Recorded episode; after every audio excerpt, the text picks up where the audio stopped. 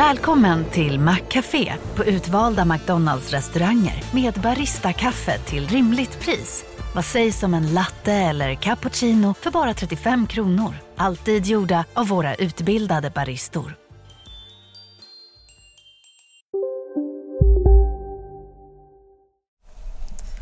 Hej och välkomna till min lilla podd som heter Lisa läser och det är jag som är Lisa.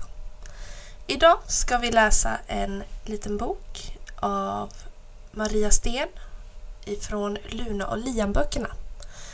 Denna bok heter Luna sjunger solo. Vem vill uppträda när skolan har öppet hus? frågar Ante. Luna räcker upp handen. Jag hissar att du vill sjunga, säger läraren. Luna nickar. Alla vet att hon älskar att sjunga. Kan du spela gitarr? frågar Luna. Ja, det kan vi nog fixa, svarar Ante. Kan du fixa en rökmaskin också?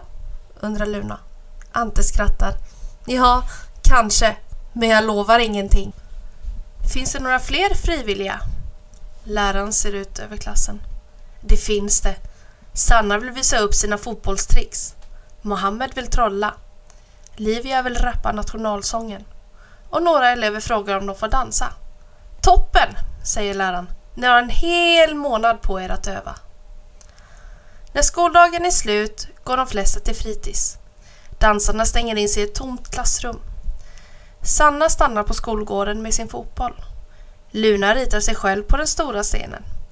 Tänk att få sjunga på en riktig scen med färgade lampor och mikrofoner.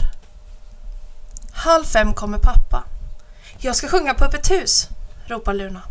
Jaha, svarar pappa. Kan du skynda er med jackorna nu? Vi måste till affären. Liam suckar. Inte nu igen. Ja, men du vill väl ha mat? frågar pappa. Liam himlar med ögonen. Luna pratar hela vägen till affären. Vad ska jag ha på mig när jag sjunger? Hennes tvillingbror rycker på axlarna. Ja, vad ska du sjunga? frågar han. Jag vet inte. Har inte bestämt mig än. Liam gillar också att sjunga. Han och Luna sjunger ofta tillsammans. Men Liam vill inte ha någon publik.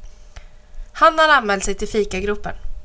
Barnen i fikagruppen ska baka bullar till öppet hus. Luna lyssnar på musik hela kvällen. Vilken låt ska hon välja? Åh, så svårt det är. Det blir en lugn låt med en engelsk text. Luna sjunger framför spegeln. Först med musik och sen utan. Utan musik blir låten seg. Men det kommer att låta fint när Ante spelar gitarr. Luna övar varje dag. Hon sjunger i duschen, i skolan och på cykeln. Luna sitter och sjunger. Hon sjunger när hon står och när hon går. Hela tiden sjunger hon. Åh, jag blir tokig, säger Liam till slut. Jag orkar inte höra den där gamla låten en enda gång till. Luna blir sur. Men du fattar väl att jag måste öva? Dagen innan öppet hus är det mycket att göra. Dekorgruppen pyntar scenen. Fikagruppen bakar de sista bullarna och artisterna övar med mikrofoner. Det blev ingen rökmaskin, men det gör ingenting. Luna sjunger jättebra. Hon känner sig som en stjärna. Är du inte nervös? frågar Liam på hemvägen. Nej, inte ett dugg, svarar Luna. Men när Luna vaknar nästa morgon finns ett litet pirr i magen och på väg till skolan blev pirret ännu större. Hela stan ska visst öppet hus idag. Du kommer få en stor publik, säger pappa. Kul, säger Luna. Fast hon börjar ångra att hon bjöd in farmor och farfar. Först ska klassen ha en vanlig lektion. Föräldrar och syskon står längs väggarna. Luna brukar alltid räcka upp handen när hon kan svara. Men idag törs hon inte. Det är någonting med huvudet också. Luna har svårt att lyssna på Ante. Allt hon kan tänka på är låten. Tänk om hon glömmer orden mitt framför den stora publiken. Det ilar i magen.